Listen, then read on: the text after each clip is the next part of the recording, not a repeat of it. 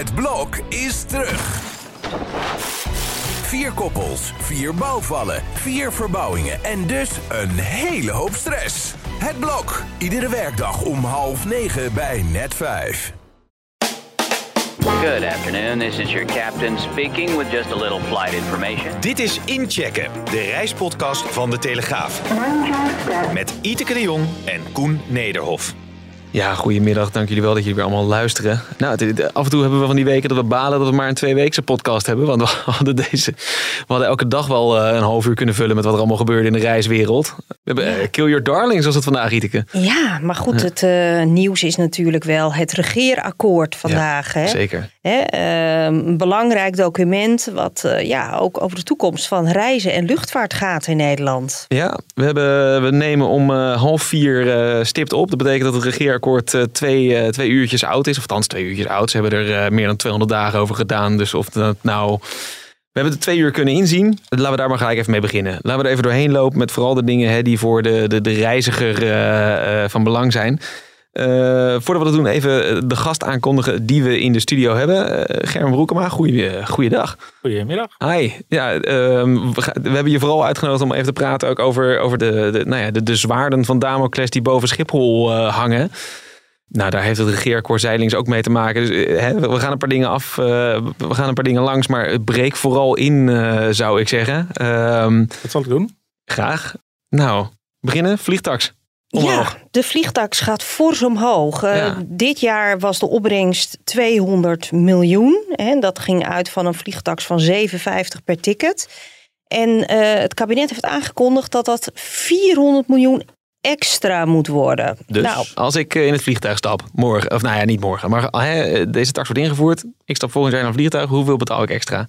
Ik denk eh, dat, je, dat dat naar 15 euro gaat. Eh, hè, het is nog niet helemaal duidelijk met welke passagiersaantallen ze rekening houden.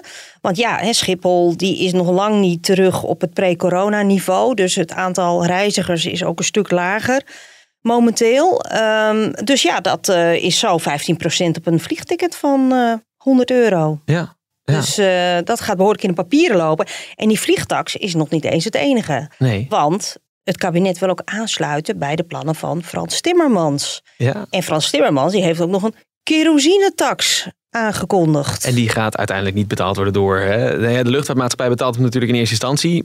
maar ja, die maar- moet doorbelast worden eh, aan de reiziger. Ja. Dus eh, ja, daar, dat is nog niet concreet, dat bedrag eh, per ticket. Maar ja, je kunt je voorstellen dat dat ook zomaar een tientje is. Leuk als je met je gezin op vakantie dat- gaat naar, naar Zuid-Spanje. Ja, dat kan aardig in, in, in de papieren lopen. Het is zo eh, 50 euro voor een gezin. Ja. En dan zijn er ook nog andere dingen die in de sterren staan. Zoals ehm, ze willen naar een bijmengverplichting voor eh, ja, iets groenere brandstoffen. Of minder slechte brandstoffen. Het is maar met eh, wie je praat. En ja, dat eh kosten. Oh, die brandstoffen zijn duurder. En ja, luchtvaartmaatschappij KLM die heeft het al uit laten rekenen. Dat zou hun, al die plannen van Frans Timmermans, zou hun over in 2030 1 miljard extra per jaar kosten. Dus je kunt je voorstellen dat die prijzen van tickets door al deze belastingideeën enorm omhoog zullen gaan. Nou, dan, dan, dan hè, zit er maar één ding op. Dan moet met z'n allen de trein in. En dat is ook precies wat in het regeerakkoord staat. Ja, korte afstanden, we- we- er staat volgens mij letterlijk in... eh, vliegen op korte afstanden willen we eh, ontmoedigen. Eh, Ja. En de trein, dat, dat moet het nieuwe ding worden. Ik zou dan denken, ja, stap ook gewoon in de auto. Maar goed, Ja, dat, Ehm. dat vergeten de beleidsmakers steeds. Die denken steeds dat de trein voor mensen het alternatief is. Als je in Berlijn of in Düsseldorf moet zijn. Maar ja, heel veel mensen hebben een auto. En niet iedereen woont eh, zoals wij vlak bij een hoge snelheidslijn. Hè. Sommige mensen moeten daarvoor eerst nog eh, drie kwartier in een auto of in een andere trein. Dus, eh, maar goed, dat wordt in ieder geval eh, gestimuleerd. En gisteren is daar ook, dinsdag is daar iets bekend over geworden. Eh, de BTW moet eraf en eh, het moet een eh, makkelijker boekbaar zijn. En bij vertraging moet je ook compensatie krijgen. Ja, nou en wat je dan Erben? ziet is hè, dat je gauw zelf al rijk rekent. Hè. Dus enerzijds heeft het vliegen natuurlijk dat imago dat het heel zo vuilend is. Hè, maar ik zeg wel vaak, als je met de auto in je eentje, met de benzineauto van, van Groningen naar Schiphol rijdt, dan stoot je bijna twee keer zoveel CO2 uit als, een, als je dat in een moderne vliegtuig van Amsterdam naar Londen uitstoot. Ja. Ja, dus dat is ook. eh, ja, we hebben laatst een hele rekenexercitie gedaan, eh, Koen en ik. En eh, ja, met, met de elektrische auto is, is de auto ineens weer stukken aantrekkelijker. Dus ehm, het is een lastig dilemma. Ook omdat ja, er zijn experts die zeggen van waarom zou je nog investeren in, in treinen? Want ja, dat is eigenlijk investeren in een snellere videorecorder, terwijl al Netflix is. Ja, nee, kijk, daar moet je denk ik eh, twee eh, onderscheid, of een onderscheid maken in twee dingen. hè. Kan je nou met slimme dus maar ook eh, oplossingen, die treinverbinding die er al zijn, hè, makkelijker verkoopbaar maken, dat mensen makkelijker kunnen reizigen. Maar als je dan praat over nieuwe aanleg, eh, of aanleg van nieuw spoor, ja, dan eh, gaat het er een keer heel anders uitzien. Hè. Dat gaat ook gepaard met eh, een enorme CO2-uitstoot van de aanleg. Eh, de kosten zijn heel hoog. En je dan tegen de tijd dat die eh, spoorlijn dan in gebruik genomen kan worden, dan zit je al op dat soort korte afstanden dan wat je met eh, elektrische vliegtuigen kan gaan vliegen. Ja, want we zaten net van tevoren even te praten over een, een lijn tussen, tussen Londen en, Manchester, eh, geloof ik dat het was. Dat is natuurlijk ook best wel een, een, best wel een eind, hè. Maar eh, schets eens eventjes, hoe lang duurt het voordat zo'n lijn er dan ligt? Ja, daar zijn ze inmiddels, denk ik al eh, sinds 2010 is het, eh, zijn al begonnen. 2013 is dat besluit genomen. Nou, rond 2030 verwachten ze de eerste treinen te kunnen laten rijden. Interessant is daar dat daar eigenlijk hè, de Green Party UK, eigenlijk de zustermaatschappij van eh, GroenLinks, of de zusterpartij van GroenLinks, die eh, noemt eh, de aanleg een eco-site. hè. Zij zijn heel erg kritisch op eigenlijk juist ook die, eh, die uitstoot van de aanleg eh, en de, nee, de, de, doorkruis van natuurgebieden. Eh, en ja, zij zien dat eigenlijk eh, dat dat niet meer uit kan. Ja. Ja, en tegelijkertijd is het dan volgens mij, hè, want de, de luchtvaart verduurzaamt. Ehm, je komt dan op een gegeven moment ook op het punt dat je misschien links en rechts wordt ingehaald door elektrische vliegtuigen die op korte afstanden het wel halen. Ja, Nou, ja, er zijn experts die zeggen zelfs van dat geld dat moet je niet meer stoppen in treinen. Kun je beter in een versnelling van vliegen blijven steken. Omdat Ja. dat toch, ja, qua tijdswinst, ja, hou je dat toch. Ja. Nou ja, we Ja. zullen zien. Want, oh ja, want een gedeelte van de vliegtax die extra opgehaald wordt in Nederland, die zou ook terug moeten vloeien ja, Naar- ja. naar die andere brandstoffen. Nou, ik sprak eh, Frank Oostdam eh, van de ANVR daar net nog even over. En die zei van, ja, dat is eigenlijk wel jammer. Eh, wij zijn er wel voor. Investeer dan dat hele bedrag. Hè. Stop niet dan een deel in de zakken van, van, van nu nog Hoekstra. We moeten maar even zien wie er dan weer terugkomt dadelijk op financiën. Een Ehm, veilbrief is het idee. Mr. ja? Vliegtax veilbrief, die komt terug. Ja, Nou, ja. Ehm, maar daar, daar eh, staat in het regeerakkoord ook over het opwekken van eh, synthetische kerosine. Dat we daar een voortrekkersrol in moeten nemen als, eh, als Nederland. Nee, investeer dat geld dan één op één daarin. Maar ja, dat, dat wordt waarschijnlijk dan deels gedaan. En er stond, Ja, niet, er stond nu- niet bij welk deel. Nee, ik hoorde zojuist al van bronnen in de luchtvaart. Ja, welk deel dan? Hè? Ja. Probeer dat geld eerst maar eens terug te krijgen. Ja, ja. Eh, nog twee dingetjes die opvielen. Eentje, die kunnen we eigenlijk kort aanstippen volgens mij. Eh, maar toerisme in Nederland, dat moet een volwaardig eh, factor worden in het economisch beleid. En het moet meer gespreid gaan worden. Nou, weet ik dat ik toen ik in Leiden woonde nadat ik had gestudeerd, dat ik daar al mensen sprak die toen al zeiden van nou, er komen al meer toeristen deze kant op, want dat is al het beleid. Dus volgens mij is het gewoon een voortzetting van wat er al was. Is dit, is dit leuk voor de Nederlandse toerist die in eigen land wat wil doen, dat die meer kan doen? Of is dit vooral een bron ja. van meer overlast? Ik denk dat eh, het kabinet zegt dat ze het luchtvaartknooppunt Nederland, eh, Schiphol, wil behouden. Dus daar zullen ook buitenlandse toeristen bij zijn. Dus eh, het kabinet zet toch het oude beleid in die zin voort. Ja. Even een dingetje, dan maken we een klein bruggetje ook naar een telefoontje wat wij zo meteen gaan plegen.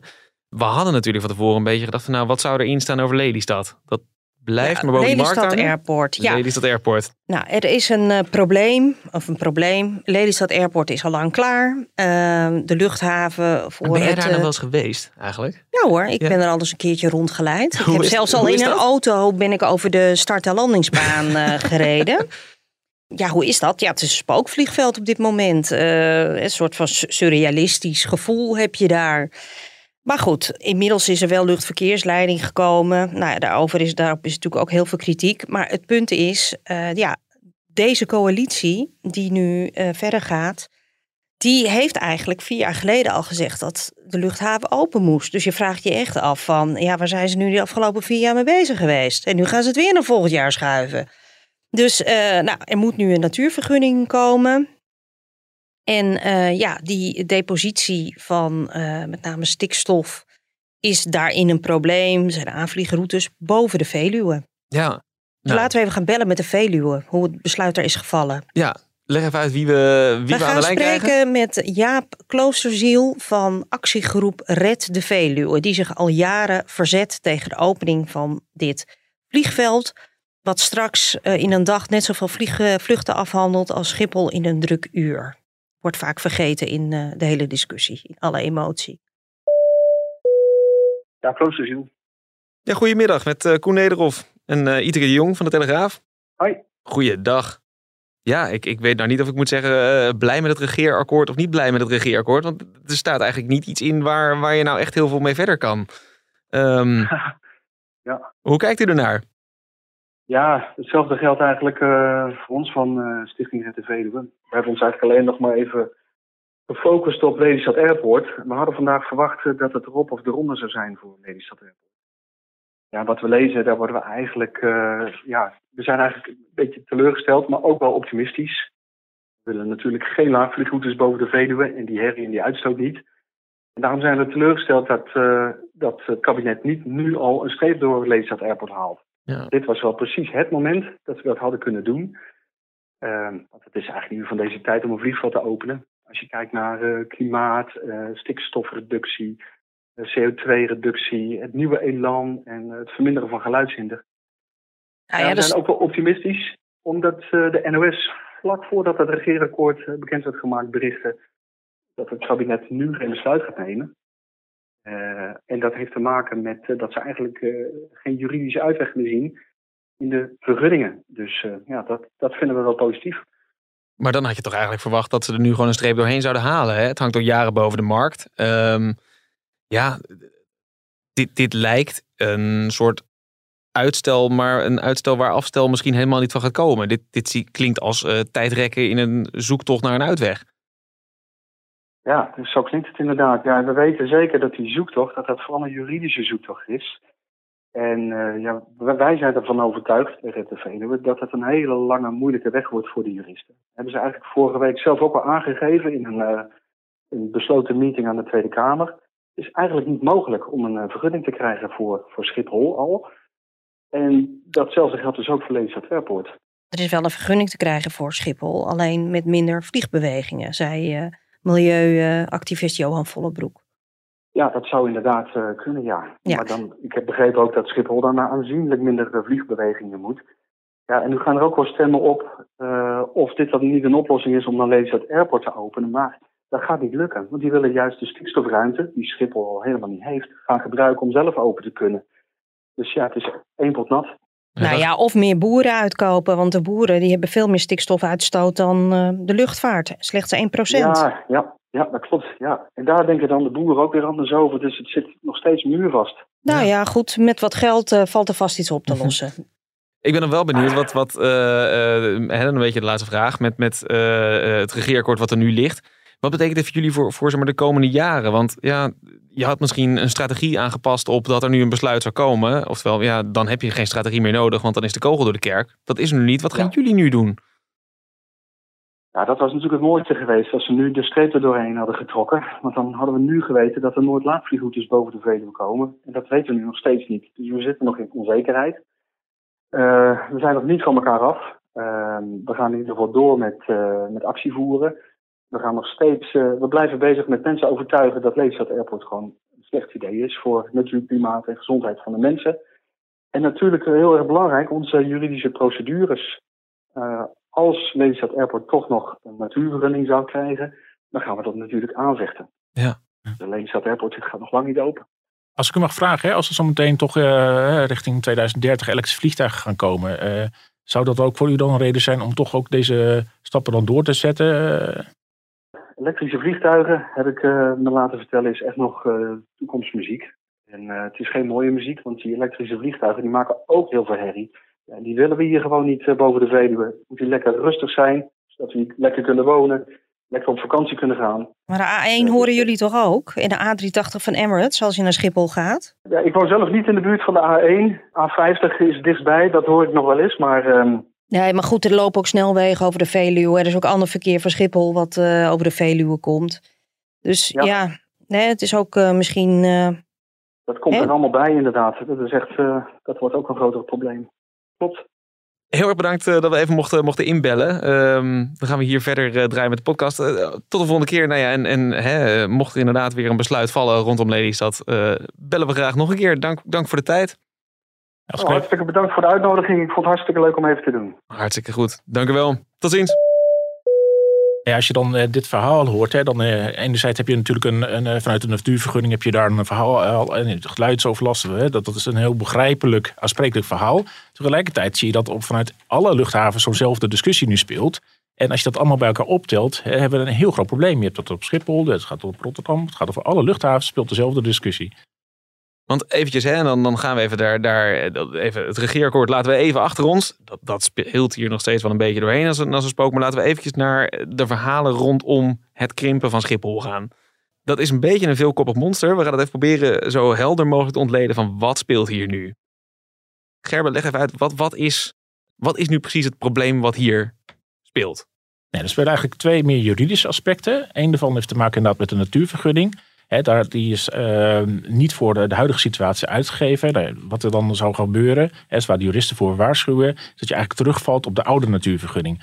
En daarvan eh, wordt nu gezegd van, tenzij je eh, andere maatregelen, zoals het uitkopen van boeren kan, eh, kan nou ja, als oplossing voor het stikstofprobleem kan gebruiken, val je terug op 400.000 bewegingen. Het tweede probleem heeft te maken met geluid. Hè. Dat heeft dan, eh, gaat er over het handhaven van bepaalde geluidsniveaus op eh, punten. Daar is een nieuw stelsel eh, voor bedacht. Die zou dan in werking treden op formeel met het nieuwe luchthavenbesluit. Wat we nu zien is dat luchthavenbesluit nog steeds niet vast is gesteld. En dat hè, de, de, de afgelopen jaren het, het gedogen hè, van eigenlijk het handhaven op basis van die nieuwe normen. eh, dat dat door de IoT is toegepast. Eigenlijk eh, juridisch gezien niet meer houd- houdbaar lijkt te gaan worden. En daarvan was vanochtend het nieuws dat dat dan eventueel een terugval zou kunnen leiden tot 420, 450.000 bewegingen. Ja, precies. En, en hè, Schiphol wil eh, nou ja, naar de 500.000 eh, bewegingen. Eh, We en willen en terug naar 500.000 Ja, precies. Ja, eh, en ik wou net zeggen, het liefst nog, nog meer volgens mij. Want dat is uiteindelijk wel, hè, als Schiphol wil groeien, dan moet je over die 500.000 heen. In plaats van dat we dus nu omhoog kunnen kijken, moeten we naar beneden kijken. Ja, ik denk wel, eh, je stelt het als hè, Schiphol wil. Hè. Eh, we moeten het ook gewoon zien als een, een, een maatschappelijk probleem. Hè. Dus hè, we praten over de bereikbaarheid van Nederland. Hè. Er is gewoon een, een, de vraag naar luchtvaart komt niet voor omdat mensen in het vliegtuig willen zitten. Dat heeft te maken met dat mensen ergens naartoe willen. Of dat er bezoeken komt. Of eh, nou ja, zakelijke reizigers. Dus eigenlijk moet je teruggaan naar van wat zijn al die eh, sociaal-economische ontwikkelingen die hebben geleid tot die vraag. En wat gebeurt er dan als je niet meer kan groeien of zelf eh, verder terug gaat vallen? Ja, en dan denk ik, hè, in eerste instantie denk je heel simpel van nou, als op Schiphol minder gevlogen wordt, dan betekent dat dat ik niet meer eh, drie keer per dag naar Ibiza kan vliegen. Dat, dat is niet de kern van het probleem. Hè? En het kern van het probleem zit ook niet bij de, de hoofdkantoren van, eh, van ING en, eh en, en eh, PricewaterhouseCoopers die, die her en der zitten. Het, het gaat er meer om van, nou ja, ehm, kan je nog van en naar Nederland vliegen als je hier moet zijn voor je werk, voor je studie, voor ehm, eh, hè, cargo, om maar wat te noemen. Daar zit de kern van het probleem. Ja, precies. Hè? Dat is eigenlijk waar andere landen altijd heel erg luchtvaart hebben beschouwd van, ja, dat is gewoon een voersvraag. Hè? En nou, vooral passagiers voor vracht, die moeten we accommoderen. In Nederland hebben we altijd heel het luchtvaartbeleid ingestoken vanuit hè, de banen, vanuit de luchtvaart en die netwerkfunctie om de internationale kantoren aan, eh, aan te trekken. En is eigenlijk dat het faciliterende karakter van een luchtvaart is steeds meer naar achtergrond eh, verschoven. En hebben we ook, ook niet meer zicht van hoe belangrijk dat eigenlijk nu is. Ja, en ehm, ik hoorde vandaag van een eh, bron nog even over die hele stikstofdiscussie. Ja, ehm, hè, luchtvaart stoot 1% van, is goed voor 1% van de stikstofuitstoot in Nederland. Dus eh, heel veel bronnen kunnen ook niet plaatsen van waarom dat dan 400.000 zou eh, moeten worden. En ehm, ja, je zit dan ook nog met eh, het luchthavenbesluit uit 2008. Ik begrijp dus dat in dat luchthavenbesluit is geregeld dat qua milieuruimte, qua stikstof, dus niet qua herrie, eh, kunnen ze tot 500.000 plus nog 28 eh, procent erbovenop. Dus er loopt van alles door elkaar. Maar ik denk dat het ook belangrijk is dat het kabinet vandaag gezegd heeft dat van nou ja, we willen die hub wel houden hier in Nederland. Hè. Het eh, KLM die vliegt door met kleine vliegtuigjes door heel Europa. Daarmee halen ze mensen op die vullen de, v- de vliegtuigen naar onder meer naar, naar eh, Brazilië en naar Amerika en naar China straks mogelijk weer. En uh, ja, daar staat het kabinet dan voor. Dus uh, ja, en als we dan teruggaan naar 400.000, wat, wat betekent dat voor zo'n netwerk? Ja, nou, je krijgt, dat een, je krijgt dan meerdere effecten die elkaar versterken. Hè. Dus ten eerste krijg je hè, dat de kosten voor de Nederlandse luchtvaartmaatschappijen, maar ook de Schiphol, zullen stijgen per passagier of per, per ton vracht. Hè, als je een groot operatie hebt, je moet eigenlijk die kosten dus uh, die uh, veel vaste kosten moet verdelen over uh, minder passagiers, dan gaan die kosten gelijk stijgen. Nou ja, als je dan die luchthavenkostenstijging schouwt, hè, dat gaat voor low-cost maatschappijen gaat dat een relatief grote stijging opleveren. Hè, die dus zullen enerzijds daarvoor geraakt worden.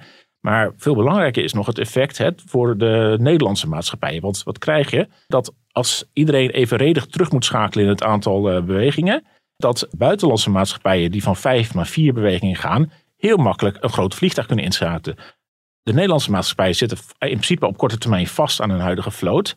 Dus die hebben een nadeel, die zullen marktendeel verliezen. Die hebben dus ook een, een kostennadeel uh, vanuit hun operatie. Hè. Dus de, de, grote maatschappijen van Lufthansa, British Airways, die kunnen gewoon hè, doorontwikkelen. En steeds ook hè, die schaalvoordelen verder benutten om hè, die kosten laag te houden. Terwijl bij Schiphol de Nederlandse maatschappij juist alleen maar kosten zien stijgen. Ik verwacht dus dat, dat, dat, dat daar het effect al gelijk al van is dat uh, de winsten uiteindelijk vooral de buitenlandse maatschappijen gaan en de Nederlandse maatschappijen het steeds lastig gaan krijgen. En dan heb je het tweede effect, wat gebeurt er dan met hè, dat hub-model?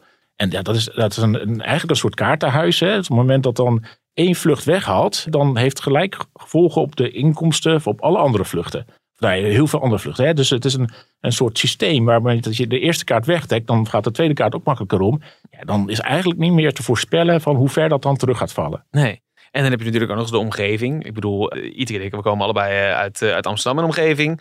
Nou, hè, normaal gesproken wemelt het hier van de toeristen. Ja, die, die komen, een enkeling komt met, met, met de trein of met een cruiseschip aan. De meeste landen natuurlijk gewoon op Schiphol om daarheen te gaan. Nou ja, met de auto komen ook veel mensen uit de Ja, dat is wel waar. Maar dan hè, even, even vanuit gaan dat, dat, dat uh, nou, de, de, treinen tussen Schiphol en Amsterdam zitten altijd vol. Uh, ja, oké. ja, die, ja. die komen ook allemaal. Die zijn wel, de, de, toeristische sector hier is wel afhankelijk van wat er gebeurt op Schiphol. Ja, nou even terugkomen op wat voor toeristen er komen. Hè. Dus de mensen met het vliegtuig komen, dat zijn vaak ook zakelijke reizigers. Die zitten vaak in de vier of vijf sterren hotels, geven relatief veel uit. Hè, dat werkt gelijk door bijvoorbeeld in de toeristenbelasting. Hè. Dus we hebben nu al gezien in de begroting van 2021 heeft een eh, gemeente Amsterdam een ontzettend groot gat. Ja. Het heeft dus te maken met die dalende inkomsten. Maar eh, de gemeente Amsterdam alleen al heeft 90.000 mensen eh, die werkzaam zijn in de toerismesector. 90.000? 90.000. En dat zit een deel van het zijn ook hè, voor mensen die uh, vanuit Nederland komen. maar ja, als je dat allemaal gaat doorrekenen en je zou de luchtvaart zelf, de directe indirecte uh, banen, dat hebben we het over 100, 120.000 in, in 2019. Nou, als je daar nog 90.000 alleen nog voor de uh, gemeente Amsterdam bij optelt. Als je dat in één keer eruit zou moeten halen. Ja, dat heeft misschien op landelijk niveau. Hè, dan denk je van nou, hè, nou zou eventueel nog kunnen. Maar op het allemaal in die metropoolregio. En dat gaat zo'n trickle. Hè, want die mensen geven dan ook weer minder geld uit aan andere consumptiegoederen. Dus hè, dat gaat een enorme weerslag hebben. Zeker in de, in de noordelijke Randstad. Ja, hoe, is dat, is dat in, in, in miljarden uit te drukken? Of is dat, ja, dit is misschien zo. Nou ja, de toegevoegde waarde van een Schiphol was voor de coronacrisis, zeg maar. Een mhm. brede was 10 miljard. Nou ja, god, ja, dat gaat dan met, dan met miljarden naar beneden. Eerder vanmiddag spraken we met eh, Dirk Beljaarts. En hij is voorman van Koninklijke Horeca Nederland. En die vertegenwoordigen de hotels en de cafés en de restaurants. En hij zegt ook dat er te weinig aandacht is voor de bredere effecten van een mogelijke krimp eh, van Schiphol en hoe dat dan doorwerkt in de economie. Hij zegt dat het voor uh, Nederland heel erg belangrijk is dat we een mix houden van zowel zakelijke reizigers als toeristische reizigers. Die mix is juist goed, omdat je dan niet alleen afhankelijk bent van uh, buitenlandse gasten, misschien wat van dichterbij komen. Omdat we ook juist zien dat de intercontinentale gast, zowel zakelijk als toeristisch, dat die uh, vaak een wat langere verblijfsduur uh, hebben. Um, en dat is dan ook weer interessant voor, uh, voor hotels, maar natuurlijk uiteindelijk ook voor restaurants en, en cultuur, musea en noem maar op. Dus dat is heel belangrijk en er zit ook een andere bestedingspatroon aan. en dat heeft vaak ook met het type hotel te maken. En, en als je gaat voor een week, dat je dan bereid bent wat meer te betalen dan als je voor een dag als Duitser eventjes over de grens komt en dan weer teruggaat. Ja, maar alleen als je nou even kijkt, hè, van stel dat eh, de, de 30.000 of 40.000 mensen uit moeten gaan, die moeten ontslagvergoeding hebben, die komen in de WW terecht. Hè, en je hebt geen belastinginkomsten meer. Nou, dan alleen al daarom praat je al binnen een jaar over een miljard. Ja. En dan heb je het alleen over zeg maar, Amsterdam en, en Schiphol medewerkers. Maar hoe, hoe verklaar jij het feit dat die economische component volslagen eh, buiten de ook politieke discussie eh, blijft? Ja, en dat komt eigenlijk eh, omdat we van oudsher altijd hebben gezegd, heeft de luchtvaartsector ook wel een beetje uit aan zichzelf te danken, van, dat de banen van luchtvaart zijn belangrijk en luchtvaart, het netwerk is belangrijk voor die, hoofd, voor die, verdere aantrekking van buitenlandse bedrijven. Het is eigenlijk volledig uit het zicht gebleven hè, hoe dan de rest van de samenleving afhankelijk is van dat netwerk. En dat geldt dus voor hè, de eh, bedrijven. Nederlandse bedrijven, eh, Nederland is de nummer twee exporteur in de wereld. En Nederlandse bedrijven die zijn afhankelijk om nou ja, competitief eh, te kunnen concurreren. Als op het moment die schaarste gaat optreden, nou dan een aantal effecten optreden. Daar ik misschien zo nog even over hebben. In ieder geval gaan de kosten bijvoorbeeld voor luchtvracht gaan, zullen het gaan toenemen. Wat, wat krijg je dan? Dat het exporteren en het importeren voor Nederlandse bedrijven zal duurder worden. En dus de concurrentiepositie van dat soort bedrijven zal, zal teruglopen. En onze komkommers, die eh, verschepen we die dan nog naar het Midden-Oosten? Of eh, komt Qatar ze dan zelf halen? Ja, nee, dat, er gaan ook allerlei effecten spelen inderdaad met, eh, met ja, verschuivingen. En Ja, ik, ik vrees ook, hè, het is misschien wel zo'n zo'n virusoverwinning, dat je denkt dat je dan milieuwinst haalt omdat er minder vluchten op Schiphol zijn. Maar als vervolgens iedereen met de auto eh, naar andere bestemmingen of naar eh, Schiphol is de best bereikbare plek met een openbaar voer naast waarschijnlijk Utrecht Centraal. Er zijn alle Schiphol-medewerkers, die gaan met openbaar voer, bijna allemaal. Eh, als je dan naar een andere locatie gaat, dan zullen die mensen daar gewoon vaker met de auto heen gaan, verder weg moeten.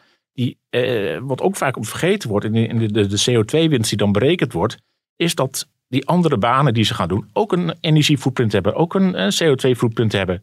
Eh, dat kan je niet zomaar denken dat die, die uit het systeem eh, verdwijnt. Dus, dus je ziet er heel gauw dat, nou ja, ook eh, uit de rapporten die bijvoorbeeld in de zomer zijn verschenen over Schiphol, heel snel wordt rijk gerekend en al die andere effecten ofwel niet becijferd worden of überhaupt niet benoemd worden. Ja.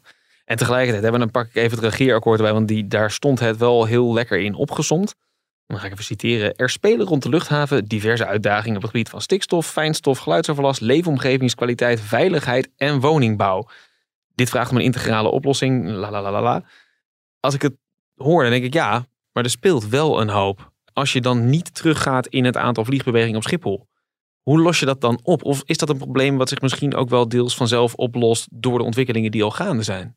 Ja, ik, ik, eh, er is natuurlijk een natuurlijke trend in, eh, ook in het qua geluidsoverlast. Hè. Dus de, de uitfasering van de 747 heeft een hoop geschild. Hè. KLM overweegt de grote orde van nieuwe vliegtuigen. Hè. Die, die zijn echt 20% stiller. Hè. De nieuwe Embraers die ze hebben aangeschaft, daar gaan gewoon al eh, grote stappen gezet worden. Ja, maar iedereen bagatelliseert. De tegenstanders bagatelliseren dat voortdurend. Hè, van Ja. ja. ja, maar ja, het is toch eh, overlastig. Nou, die 747, Boeing 747 zijn er allemaal uit. PBL heeft eh, gerekend dat Schiphol wel tot 620.000 vliegbewegingen kan doorgroeien. Vanwege de, de winst op, op, op de herrie. Ja, je ziet eigenlijk, hè, ik merk dat aan beide kanten, dat enerzijds, hè, eh, ik woon zelf ook in de buurt van Schiphol en er zijn echt mensen die ook echt overlast hebben. Dat wil ik zeker niet bagatelliseren. Mhm. Maar als je het feitelijk ziet, hè, eh, dan, dan zit daar toch echt wel een dalende trend in. Even met het CO2, dat is ook een heel erg beeld dat die luchtvaart mee doorgroeit. Maar binnen Europa is de CO2 van de Europese luchtvaart de afgelopen jaren stabiel en zelfs nu aan het dalen. Hè, dus er- daar er zijn al, al- Corona-effect. Nee, nee, maar Ja. even afgezien van het corona-effect. Ook tot 2019 ging, is, dat, eh, is dat al beter. Ja, en, er wordt ook best wel voor door eigenlijk eh, veel grote zakelijke reizigersbureaus hè, en de adviesbureaus. Maar ook eh, toenemend worden de, de pakketreizenverkopers. Die compenseren al automatisch de CO2. Hè, dat zit allemaal al in. Iedereen is er toch best wel bewust van het, het milieuprobleem, Ja. zeg jij. Het, Ja. dat neemt niet weg dat we eraan moeten werken. Hè. Dus ik werk zelf ook actief aan de ontwikkeling hè, van de introductie van elektrische vliegtuigen. Hè, maar het, het is een hele gevoelige balans. En wat, we, wat ik eigenlijk merk is dat we heel snel eigenlijk alleen maar die negatieve effecten eh, bekijken. Ook als het gaat over gezondheid. Ja, ze willen ook gezondheidsklachten. Maar de levensverwachting in de Haarlemmermeer behoort tot de hoogste in, de, in, in Nederland. Ja, in Friesland is het lager. Ja, hè, Dat is wel eh, heel goed nieuws. Ik woon in de Haarlemmermeer. Dat vind ik heel lekker om te horen. Ja. Ja, dus eh, ja, alles wordt wel ehm, ja, opgeblazen. Of nou, misschien niet in perspectief meer gezet. Hebben we daar geen geduld meer voor? Nou ja, ik denk dat we heel snel eh, schieten in eigenlijk alleen maar die negatieve effecten. En eigenlijk de, de positieve effecten eigenlijk voor lief eh, nemen. Of zoiets, nou dat redt zichzelf wel. Eh, wat ik ook zie is dat er eigenlijk een gebrek aan systeemdenken is. Dat heeft te maken met die MKBA-methodes. Wordt bijvoorbeeld in de. In die... En MKBA, dat is een bepaald onderzoek naar de maatschappelijke eh, kosten en baten. Dus daar is altijd veel om te doen. Ja. Maar ga verder. Wat, eh, welk onderzoek doe je? Nou, ja, de afgelopen zomer is er een onderzoek uitgevoerd naar, door de uit, een opdracht van de gemeente Alsmeer naar de MKBA, MKBA van Schiphol. Wat, wat je dan eh, ziet is dat daar vanuit wordt gegaan hè, dat daar bijvoorbeeld al alleen al in 2030 7,5 miljoen passagiers niet op Schiphol komen, maar dat die wel op andere luchthavens terecht kunnen. En tegelijkertijd zie je dat dezelfde discussie over eh, groeiscenario's en andere regionale luchthavens speelt. Die ervan uitgaan, als wij dichtgaan, dan eh, kunnen ze wel op andere luchthavens. Hè. Dus is een totaal gebrek aan systeemdenken. We rekenen onszelf heel erg rijk. En dat werkt ook zo met de banen. Zo'n methodiek gaat ervan uit dat er geen structurele werk- werkloosheid in Nederland is. Dus die banen, de verlies van die banen wordt niet als een verlies beschouwd. Maar ja, als je op dezelfde manier zegt van nou, we willen eigenlijk minder dat, we willen minder boeren, we willen minder datastiel.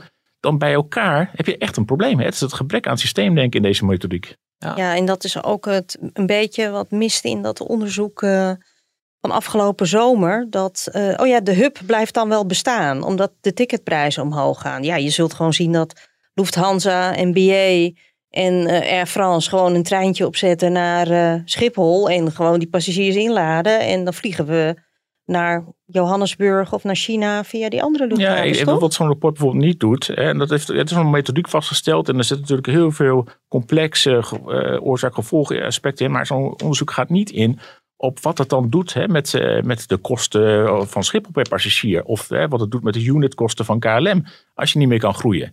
En wat doet het dan met de, de concurrentieverhouding? En want, hè, ze gaan er vanuit dat er die luchtvaartmaatschappijen winsten maken. Waarvan 50% van die winsten dan Nederlandse maatschappijen zijn. 50% naar buitenlandse maatschappijen. En zoals ik net heb uitgelegd, gaan die Nederlandse maatschappijen daar on, on, veel meer last van krijgen. De buitenlandse maatschappijen. Mijn verwachting is dat al die winsten die we op een gegeven moment hè, bij grote schaarste naar die buitenlandse maatschappijen gaan. Die komen Ja. bij Qatar en bij Etihad en wij bij de, dat soort... eh, Emirates. Ja, Ja. ja, ja. En, ehm, en dan is er ook nog, hè, dat, daar houdt ook eigenlijk niemand rekening mee in deze discussie. Eh, ja, eh, KLM die zal haar marktmacht nooit terugkrijgen. Mocht, eh, mochten we in Nederland toch zo dom zijn om gewoon plop die aantal vliegbewegingen naar beneden te schroeven. Hoe, hoe zie jij dat juridisch verlopen? Gaat Delta, Amerikanen, die hebben grote basis op Schiphol. Gaan die dan, gaat Nederland dan zeggen tegen de Amerikanen: jullie mogen hier niet meer vliegen? Nou ja, dat is inderdaad een hele eh, ingewikkelde discussie. Hè. Ten eerste gaat het erover, je moet bestaande rechten afnemen. Nou, daar gaat een, een heel eh, ingewikkeld spel eh, spelen. Als er een rechterlijke uitspraak is, dan zit je in een iets andere situatie dan als bijvoorbeeld de overheid zelf zegt hè, van nou, we, gaan, we vinden het eigenlijk wel mooi zo, we gaan niet meer groeien of naar beneden. Hè, dan, dan krijg je eigenlijk hè, dat, dat je het vrije verkeer van, van nou ja, goederen en mensen gaat belemmeren. En, en de facto ook een soort handelsblokkade opgooit. Hè, dat, ik kan geen handel meer, eh, meer Ja, maken. want wij hebben nu zogeheten open skies Ja. bijvoorbeeld hè, met Amerika. Ze Ja. mogen eigenlijk onbelemmerd hier aan eh, monsteren ja, dat is, als ze dat staat letterlijk in Open Skies. Hè, dat Amerikaanse maatschappijen unrestricted access hè, tot Nederlandse luchthavens eh, kunnen krijgen. Ja, dan kan wij als Nederland, ja, eh, er komt een hele ingewikkelde in, internationale afspraken. Eh, en dan is het even de vraag van wat houdt dan stand? Hè? Van, is dat dan een eh, zaak van eh, nou, dat internationale afspraken belangrijker zijn dan een, een, een stikstofdiscussie in Nederland? Nee, ik, ik kan dat niet voorspellen, ik ben geen jurist. Hè. Wellicht dat de stikstofdiscussie dan toch echt de, de feitelijke bottleneck hebt. Maar het, het gaat grote problemen geven, denk ik. Ik zit dan even te denken vanuit hè, de, de, de Nederlandse consument. Eh, dat, dat probeerden we net ook een beetje bij het regeerakkoord. Van, hè, wat, wat, wat betekent dat voor eh, eh, nou ja, zeg maar mijn, mijn buurman die gewoon op, op vakantie wil en hier gewoon een goede boterham wil verdienen. Wat, wat zou het, hè, het, het, mocht het zover komen dat Schiphol moet inkrimpen. Wat, wat merk ik daarvan? Gewoon als, hè, of wat merkt mijn buurman daarvan? Merkt hij dat hij daar, eh, dat, het, dat het economisch eh, tegenwind geeft? Merkt hij dat eh, nou ja, hij bijvoorbeeld hè, zijn bedrijf moeilijker kan runnen? Wat gebeurt er? Ja, kijk, wat, wat vaak vergeten is, is dat transport is eigenlijk het smeermiddel van de maatschappij. Hè? Je maakt gebruik van, van verschillen in, in, in factorkosten, zeg ik wel vaak. Hè? Dus, en wat je dan op een gegeven moment gaat krijgen, is dat het, gewoon, het leven wordt duurder. Het heeft te maken indirect met die tickets. Eh, de producten die eh, uit verder buitenland eh, moeten komen, die gaan nog wel even met duurder worden. Als, als alle, nee, al de kosten, zowel door die krimp, maar ook hè, die milieumaatregelen die nu zijn aangekondigd.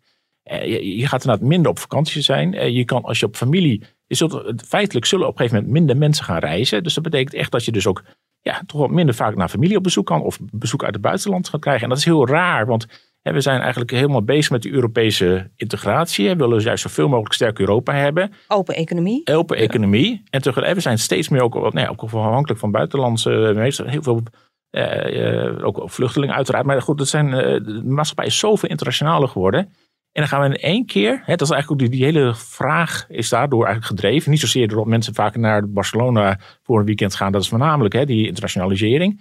En nu gaan we in één keer dat omdraaien. Dus dat heeft allerlei consequenties over nou ja, hoe wij leven. En, en, dat is, gaat veel verder dan maar even een weekendje minder naar Barcelona. Ja. Slu- Sluiten we dit onderwerp een beetje af? want, Nee, je hebt het net over, over vluchtjes naar, naar, Bar- naar Barcelona. Daar gebeurt nu iets heel grappigs mee. En dat ook een beetje, nou dat heeft ook allemaal met beleid te maken. Dat, dat kwam gisteren heel erg naar voren. Avondlockdown is verlengd en de vakanties eh, beginnen eerder. Gekke effect daarvan is dat het binnenlands toerisme natuurlijk helemaal op zijn gat ligt. Eh, Hotels zijn, eh, nou ja, kunnen alleen maar dineetjes op de kamer geven. Restaurants zijn dicht, het schiet allemaal niet op. En dus zien nou ja, de mensen die spreken de reisbranche, die zien nu ineens, nou, iedereen gaat net de grens over. Eh, zeker in de kerstvakantie. eh, eh, Lekker naar België. nou ja, precies dat. Antwerpen heeft. ik sprak een, een bron van mij, Ingmar Bruinsma. Die zei van, nou ja, Antwerpen wordt bijna 2,5 keer zoveel geboekt. Of zelfs meer. De aantal boekingen dat hij zag naar Düsseldorf was eh 300 procent. Lekker naar de Ehm, kerstmarkt. nou ja, precies. En het ding is, daar zijn de restaurants open. Daar kan je lekker tot 11 uur s'avonds onder een heatertje zitten. Hetzelfde, eh nou ja, eh, vliegtickets zag geloof ik eh, een stijging van 70% in het aantal boekingen. Ja, dat was vanochtend. Ja, ja, naar Sunweb, Sunweb zei het vanochtend. Ja, drie keer, drie keer zoveel boekingen sinds de sluiting van de basisscholen is Ja. aangekondigd. Ja, het dus niet- iedereen die het trekt erop gek, uit. hè? En volgende week is het eigenlijk nog voor de kerstpiek. Dus je kunt waarschijnlijk voor niet al te veel geld... kun je nu een leuk reisje boeken.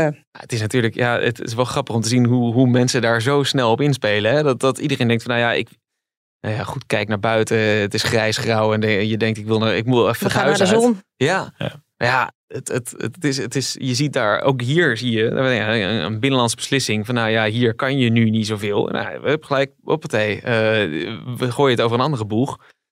Reizen leeft. Ga, Dat, jij, eh, eh, ga jij weg in de kerstvakantie eigenlijk, eh Iteke? nee, Nee? nee, dat was ik niet van plan. Nee, ik ha- hang altijd het eh adagium aan lekker weg in eigen land. Weet je? Dus, Oh en jij, Gerben? Ik ga wat verder weg, maar dat heeft met familiebezoek te maken. Ik ga naar Zuid-Amerika. Oh, heerlijk. Oh, heerlijk. Lekker weer. Familie in, eh, ja, god, Brazilië. Brazilië. Ja. Ja, daar, is het, eh, daar is het hoogzomer nu. Ja.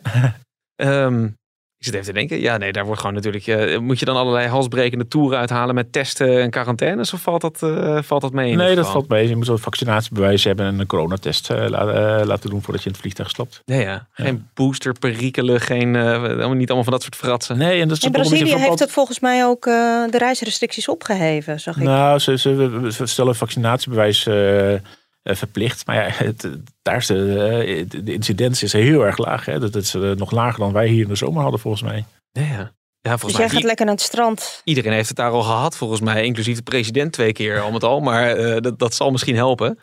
Zullen we maar even aangaan eh, naar eh, de last call? Dames en heren, dit is de last call. We noemden het net al eventjes. Sunweb. Ja, Ja, het, ik, ik, ik hoorde het gisteren al. Ze hebben het vanochtend bekendgemaakt. Eh, ze gaan eh, stoppen met, met nepreclames en nepvideo's. Kan jij dit enigszins uitleggen, eh, Iteke? nou ik vond het eigenlijk een beetje duister wat ze nou precies bedoelden. Bedoelden ze nou hun eigen foto's die ze bij hun persberichten die, doen? Die indruk had ik wel een beetje. Dat, volgens mij kwam het er vooral op neer dat, dat, dat mensen... Nou ja, hey, je wordt natuurlijk naar een vakantieadres gelokt met alle hele idyllische plaatjes. En, en nou ja, de meeste, Ja, dan staat er toch een eh, betonnen muur voor je hotelkamer. Ja. Maar goed, ja, daar. Ja, nou ja, hoe ver kun je gaan hè? In, in reclame? Je mag niet liegen. Ja, die, die, die, die zee is misschien dan net iets minder blauw. Ja, ja. Maar volgens mij was het ook voor, gingen ze eh, zorgen van, nou ja, we, gaan, we gaan hè, niet meer eh, een fotomodel aan het eh, einde van een infinity pool. Ontzettende hunk naast, een, naast die enige palmboom op het resort. Nee, we gaan gewoon echte gasten gebruiken om het een beetje aan te prijzen. Um, nou ja, dat kan wel werken, maar daar zullen ze toch ook wel een bepaalde uitstraling uh, voor willen hebben, lijkt mij. Ik, ik, zit het ik zit het heel snel door te. Maar eh, even een, een, een quote van, uh, van, van Matthijs de Brink, de CEO van, van Sunweb. De mooiste herinneringen worden vaak vastgelegd met te weinig licht, zonder een herkenbare verwijzing naar de bestemming. De foto roept ook direct een speciale herinnering op aan die vakantie. Die herkenbare, imperfecte en toch zo veelzeggende beelden gaan we delen met Nederland. Ja, misschien is het wel een aparte campagne. Ja, maar ik vind het ergens ook wel grappig. Het past wel heel erg bij, bij hè, op het, het, het, de tegenbeweging dat je op Instagram niet alleen maar, uh, uh, nou ja, inderdaad de wasbordjes en de, de, de, de, perfecte, de perfecte curves uh, ziet. Ik weet niet of we daar, zouden we die beweging, zou Sunweb die beweging nog tegen kunnen houden van het ideale vakantieplaatje? Weet niet. Maar ja, we gaan het maar... ja? Is dit, is dit Wat denk jij, Gerben? Ja, ja, je hebt op een gegeven moment ook wel natuurlijk een paar Instagram uh, mensen die zeggen van nou ik laat even mijn echte ik zien. Maar je ziet ook niet dat dat dan uh, echt aanslaat. Hè. Je blijft er toch wel, eh, ik zit er niet veel op, maar dat je ook wel gewoon uh, toch wel vaak de mensen er mooier maken dan wat het is. En, maar dat hoort er ook een beetje bij. Ik heb laatst mijn huis verkocht. Ja, dan worden er ook foto's gemaakt waardoor mijn huis net wat groter lijkt en wat, wat lichter dan dat het daadwerkelijk is. Dat hoort toch een beetje bij reclame? Dat, dat, ja, ik vind dat best wel, wel gek. Is dit economisch slim, uh, Gerben? Nee, misschien dat het voor een bepaald segment aanslaat. Eh, we zullen het zien. Ja, nou, we gaan het merken. Ik ben heel benieuwd naar de eerste, de eerste reizen eh, die op die manier worden verkocht. Ik kan me wel voorstellen dat het qua review scheelt. Dat mensen niet zeggen van niet nou... Dat ze niet teleurgesteld zijn. Nee, precies. Ja. ja. ja. Um, we gaan het zien. 15 december start die campagne. Zie ik in ieder geval staan. Nou, uh, ben erg benieuwd. Um, wij gaan ons in ieder geval maar eens opmaken voor, uh, voor de kerstvakantie. Nog verder met het regeerakkoord uh, uitpluizen. En we zijn er uh, nog één keer voor het begin van het nieuwe jaar. Ja, dan gaan we het hebben over het afgelopen jaar. Oh, wat een luchtvaartjaar was het weer. Nou, ja, wat hebben we gevlogen? Nou ja, vooral alle corona, hè? Ja, precies. Ik wou net zeggen. We hebben eigenlijk nog niet gevlogen. Maar goed, het was weer een memorabel reisjaar. Precies. We kunnen misschien dan ook wel een beetje vooruitblikken. In de tussentijd zou ik zeggen, uh, bedankt voor het luisteren. Luister dan vooral weer. Laat een review achter en een, een waardering. Het liefst met, uh, met heel veel sterren. Uh, op de welbekende podcast apps. En, en dan zijn wij er over twee weken weer. Dankjewel.